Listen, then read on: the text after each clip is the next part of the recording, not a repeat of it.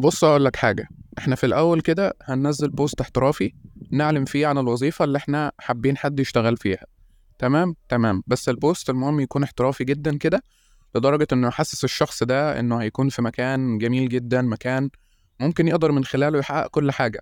مش شرط post ممكن أي أي وسيلة. يعني فاهم؟ أي وسيلة كده نعرض بيها الوظيفة بتاعتنا علشان يجي الشخص ويشتغل معانا. فالشخص هينبهر بال post هينبهر بالاحترافية بتاعتنا. فهيدخل يتكلم معانا علشان يشتغل. تمام؟ تمام لحد هنا. يدخل بقى interview احترافي يحس شوية بالراحة ويطمن شوية. بعد كده يتقبل ويبقى معانا في الشغل ونحاول بقى إن إحنا نحسسه بالأمان أكتر. هنحسسه بالأمان أكتر إزاي بقى؟ هنحسسه إن إحنا عيلة وإن ال brand أو المكان أو الوظيفة اللي أنت فيها أو الشركة اللي أنت بتنتمي ليها دي دي بتاعتك. إحنا عايزينك تكبرها معانا. عايزين نكبر سوا بقى ونحقق كل أحلامنا مع بعض. وإن أي نجاح أصلا هينجح الشركة اللي أنت فيها دي أو البراند اللي أنت فيه فده هيعود عليك أنت في المقام الأول بالإيجاب. لأن أنت معانا أنت واحد مننا كده وكلنا مع بعض وكلنا بننجح سوا. المهم بص إحنا هنحسسه كده بكل الجو الأسري وكل المشاعر اللي هو محتاج يحسها من ناحية الأمان وكل الكلام الجميل ده. تمام لحد هنا؟ تمام. فهنفضل مستمرين على ده شوية حلوين كده لحد ما يطمن يحس بالأمان يبتدي إن هو يدي المكان ده بمنتهى الحب. طب يدي المكان ده بمعنى إيه؟ يدي المكان ده بمعنى إن هو يدي كل المهارات اللي عنده ويدي كل الشغل اللي عنده للمكان ده. يبتدي بقى إن هو يفكر أو يتعامل مع البراند ده أو الشركة اللي هو فيها على أساس إن هي شركته على أساس إن المكان ده بتاعه. فبالتالي هيتعامل معاه معاملة مختلفة على أساس بقى إن ده مكانه وده شغله ودي شركته. فهتلاقيه بقى بيعمل كل حاجة بمنتهى الحب و creative بقى في الأفكار وحاجات كتير جدا. وهنا إحنا مش بنتكلم على مجال معين في كل الشركات اللي إحنا فاتحينها يعني إحنا هنجيبه هنوظفه وهو بقى هيشيل الدنيا كلها يعني هو بقى كتر خيره وهيظبط الدنيا. بس بعد كده بقى بعد فترة والتانية والتالتة نبدأ بقى إن إحنا نزود عليه التاسكات. task ورا التاني ورا التالت ورا الرابع كده نبتدي إن إحنا إيه نزود عليه حجم التاسكات كلها. نزود تاسك في التاني في التالت بالتدريج كده. المهم بقى إن كل حاجة زيادة هو هيعملها. لأ الحاجة دي أنت عملتها زيادة عن شغلك فبالتالي ده بقى شغلك أصلا.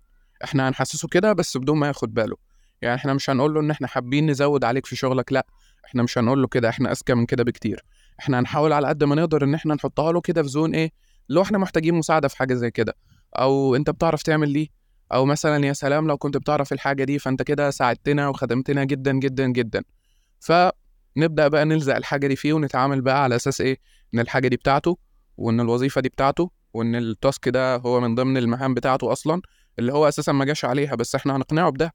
إحنا هنقنعه إن أنت جيت على الأساس ده. جيت وقبلت واشتغلت في ده وهنزود التاسكات أكتر وأكتر وأكتر وأكتر لحد ما نستنزفه خالص يعني لحد ما يجيب آخره خالص. بعد كده بقى نبتدي نعيد الدايرة دي من أول وجديد. نشوف حد جديد بمهارات جديدة. نبتدي بقى نعيد في الدايرة دي لحد ما نستنزفه خالص. الفكرة بقى إن إحنا هنيجي نسأل نفسنا في الآخر هو ليه الشخص ده ما كملش معانا للآخر؟ مع إننا عارفين السبب بس برضه هنسأل في ده. أهلا بيكم أنا إسلام رجب وأنتوا بتسمعوا بودكاست قهوه بدون سكر. آسف على المقدمة الطويلة دي ويمكن الأغلب ما استوعبش إحنا بنتكلم على إيه. آه، إحنا بنتكلم على الوظائف والشركات والبراندات اللي إحنا بنتوظف أو بنتعين فيها. وهنا أنا مش بتكلم عن حد بعينه على قد ما بتكلم عن المبدأ بشكل عام وعلى اللي بشوفه بعيني مع ناس كتير جدا حواليا. فخلينا نتكلم في الموضوع كده إن أنت بتروح زي ما قلنا في المقدمة بتروح مكان بتشتغل فيه بترتاح بتلاقي جو أسري. سنة سنة التاسكات بتزيد عليك سنة سنة بتحس إن أنت بدأت تتخنق في ضغوط عليك بيتعاملوا على أساس إن التاسكات دي خلاص بقت جزء من شغلك جزء من المهام بتاعتك وأنت مش بتعرف تعمل إيه. واحتياجك للوظيفة بيخليك لأ أنا هاجي على نفسي وأعصر على نفسي ليمونة وهكمل وهحاول إن أنا أجتهد. بس ما ما فيش في إيدي حاجة أعملها فهضطر إن أنا أكمل وأعمل كل اللي بيطلبوه مني وخلاص. وده اللي بيحصل بالظبط على أرض الواقع. مش مألف قصة خيالية ولا بتكلم في حاجة ما بتحصلش. ده بالفعل اللي بيحصل على أرض الواقع. ده بالظبط اللي بيحصل في حياتنا. ده بالظبط اللي بيحصل بالتحديدا كمان في مصر. فكرة إنك تقبل بشغل وتلاقي إن التاسكات بدأت تزيد عليك بالتدريج وكل شوية التاسكات بتزيد بتزيد. بس أهم حاجة ال salary مش هيزيد. هو ال salary مش هيزيد خالص. أو المرتب اللي أنت هتاخده هو مش هيزيد خالص. هو هيفضل ثابت زي ما هو. يعني هي كل حاجة هتزيد بس المرتب اللي أنت هتاخده مش هيزيد. وهنا أنا مش بعمم بس بتكلم عن الأغلبية والحالات اللي أنا شفتها من حواليا واللي بالفعل بالفعل من خلال ملاحظتي ليهم حاولت إن أنا بقدر المستطاع إن أنا أتكلم عن ده ونحاول إن إحنا نتجنب إن إحنا نكون في مواقف من النوعية دي. أنا عارف إن أغلب الناس اللي بتتابعني هنا طلبة وفي منهم اللي اشتغل وفي منهم اللي بيشتغل في منهم اللي بيدخل في أعمال تطوعية وحاجات زي كده. فلا بد إن هتواجهك حاجة زي كده. وإحنا جايين نتكلم النهارده علشان ما تقعش في الفخ ده. فكرة إنك تروح وظيفة لازم تكون محدد من الأول أنت هتعمل إيه. زي ما بيقولوا كده الاتفاق بيكون نور. لازم يبقى فيه ما بيننا اتفاق من الأول. أنا المهام دي اللي هقدر أعملها وبالتالي هاخد عليها المرتب ده. تمام؟ تمام. اتفقنا. بعد الاتفاق بقى أي حاجة بتيجي زيادة أنت مش مطلوب منك إنك تعملها ومش مطلوب منك إنك تقبلها علشان تمشي الدنيا وعلشان تمشي أمورك. وفي فرق ما بين إن أنا موجود في المكان ده علشان أتعلم وأكتسب خبرات فبالتالي أنا هحاول إن أنا أعمل أي حاجة يطلبوها مني حتى لو ما فيش فايدة من السالري اللي أنا باخده بس على الأقل إن أنا بكتسب منهم خبرة وفي فرق ما بين إن أنت أساسا عندك الخبرة دي وأنت اللي بتضيف للمكان مش المكان اللي بيضيف لك وفي نفس الوقت أنت مش مستفيد أصلا بالمرتب. في فرق وفي اختلاف ما بين الحالتين. الاختلاف بقى اللي في الحالتين إن في الحالة الأولى لو بنتكلم إن أنت بتكتسب خبرة فأنت بالتالي مقرر أنت عايز إيه أنت عارف من الأول أصلا إن هم هيزودوا عليك في التاسكات وما عندكش مشكلة تجاه حاجة زي كده. لكن لو شخص خبرة بالفعل هو شخص خبرة بالفعل وعنده خبرة في سوق العمل ما ينفعش يتعامل بالمبدأ ده وما ينفعش يقبل المبدأ ده إلا لو كان بقى في حالات استثنائية وهنتكلم عنها دلوقتي. بس فكرة إنك تقبل بحاجات زيادة عليك ده مع الوقت هيعرضك للاحتراق النفسي. والاحتراق النفسي هنا إن أنت هتكون مضغوط دايما مضغوط دايما مش بتعرف تشم نفسك مش بتعرف تمارس حياتك بشكل طبيعي مش بتعرف تعمل حاجة في يومك. مش هتلاقي نفسك بالفعل بتعرف تعمل حاجة في يومك من زيادة التاسكات اللي عليك. هتقدر تعمل ده لمدة شهر هتقدر تعمل ده لمدة شهرين هتقدر تعمل ده لمدة 3 شهور بس برضه هتيجي فترة كده وهتقف هتيجي فترة وهتعطل مش هتقدر تكمل. ليه؟ لأن كل بني آدم مننا طاقة وطالما مفيش عائد مادي يريحك ماديا ويحسسك بالأمان المادي أنت مش هتكمل في المكان ده. لو مفيش معاملة طيبة في المكان ده أنت مش هتكمل فيه وده الجزء التاني اللي قلت هتكلم عنه. لو المكان بيوفر لك فعلا الجو الأسري ده وإن أنت فعلا معاهم على الحلوة والمرة ولما الدنيا تبقى حلوة بيزودوك والدنيا بتبقى تمام معاكم وكده تمام مفيش اختلاف على ده. طالما المكان بيقدرك حتى لو على المستوى المعنوي وأنا بالنسبة لي المستوى المعنوي في بعض الأحيان بيكون أهم بكتير جدا من المستوى المادي فتمام أنت كده تمام وزي الفل. لكن ماذا لو هو لا في تقدير على المستوى المادي ولا في تقدير على المستوى المعنوي؟ إيه اللي يجبرني إن أنا أكمل في مكان زي ده وما أكونش بشوف البديل؟ مش بقول لك سيب شغلك وامشي. لا لازم يكون في بديل. بس إيه اللي يمنعك إن أنت ما تدورش أصلا على البديل؟ إيه اللي مخليني صابر وقاعد كده وبقول لأ خلاص ده أمر واقع وأنا هتعامل معاه؟ لا طب ما أنا ممكن أشوف بديل. ممكن خلال ما أنا بمارس الشغل ده أدور على بديل. لأن فكرة إن أنا أقبل على نفسي بتاسكات زيادة ده مع الوقت زي ما أنا قلت هيعرضك للاحتراق النفسي. مش هتقدر تكمل. كل بني آدم مننا طاقة.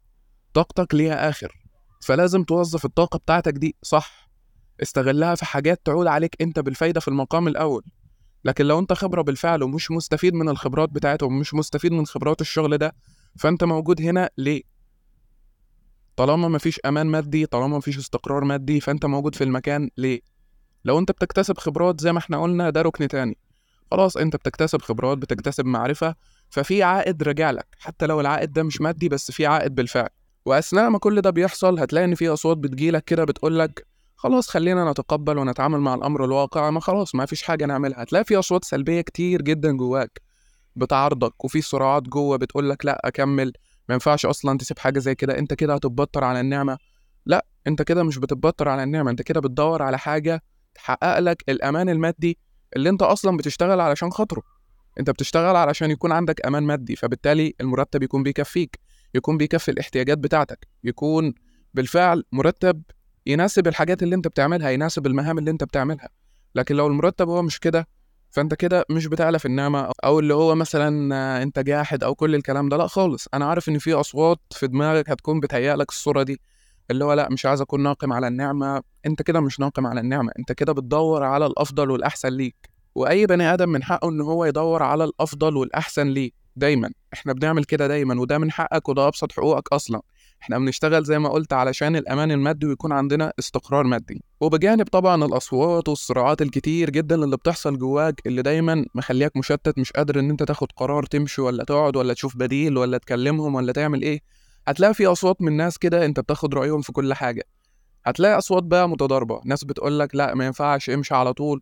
وناس بتقولك لا حاول إن أنت تشوف البديل. ناس بتقول لك لا تقبل اللي أنت فيه وحاول إن أنت تتعامل مع الوظيفة اللي أنت فيها. وفي ناس هتجلدك.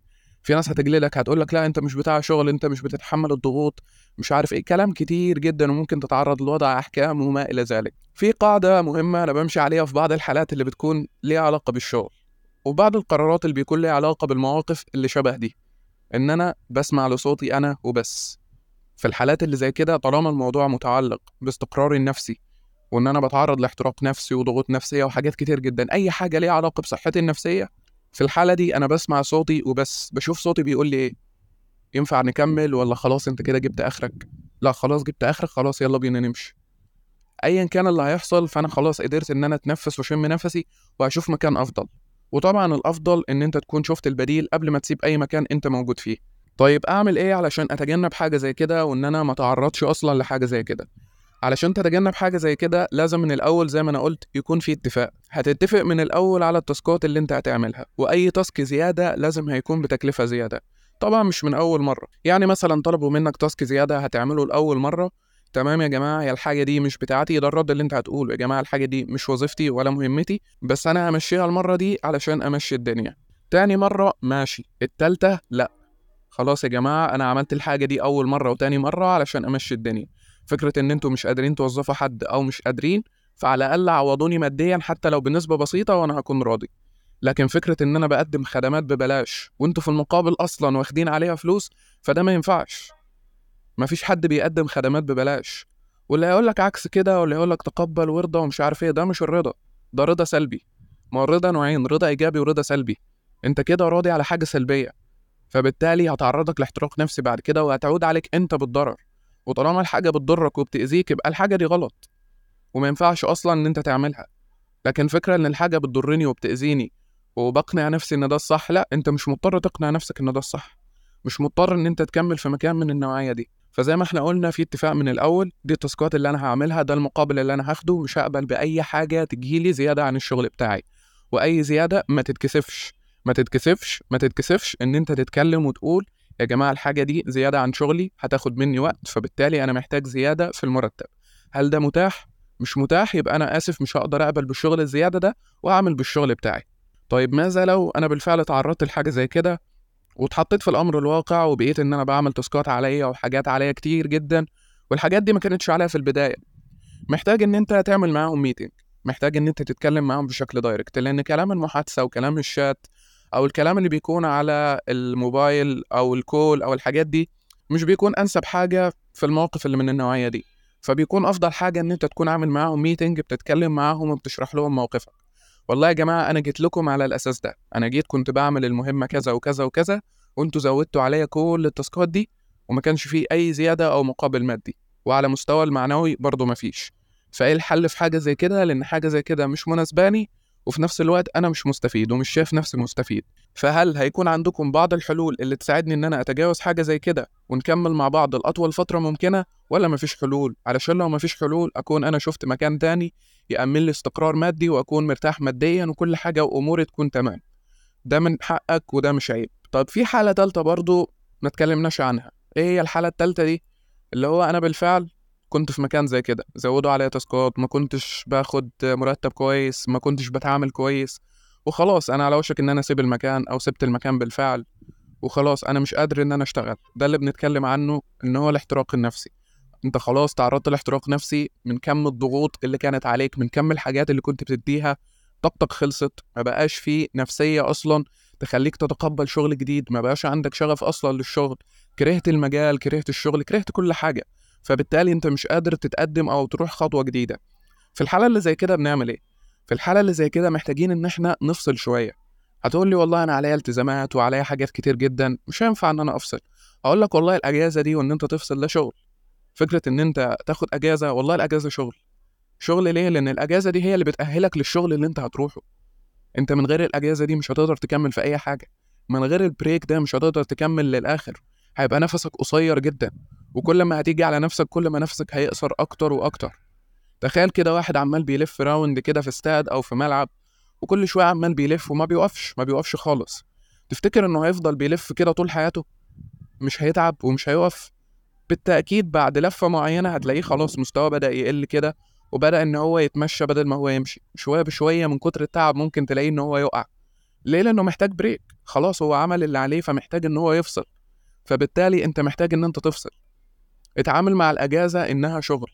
أنت بتأهل نفسك لشغل جديد. ما أنت مش هتعرف تدخل شغل جديد وأنت كده. ولو دخلت شغل جديد وأنت كده هتسيبه بسرعة. مش هتقدر تتعامل مع الضغوط اللي في الشغل ده.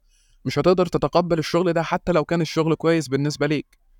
هتختلق فيه عيوب كده وهتطلع فيه حاجات علشان أنت ما عندكش طاقة. فالأجازة اعتبرها شغل. لازم تفصل لازم ترتاح لازم تبعد عن كل التاسكات كل المهام أي حاجة متعلقة بالمجال اللي كنت فيه.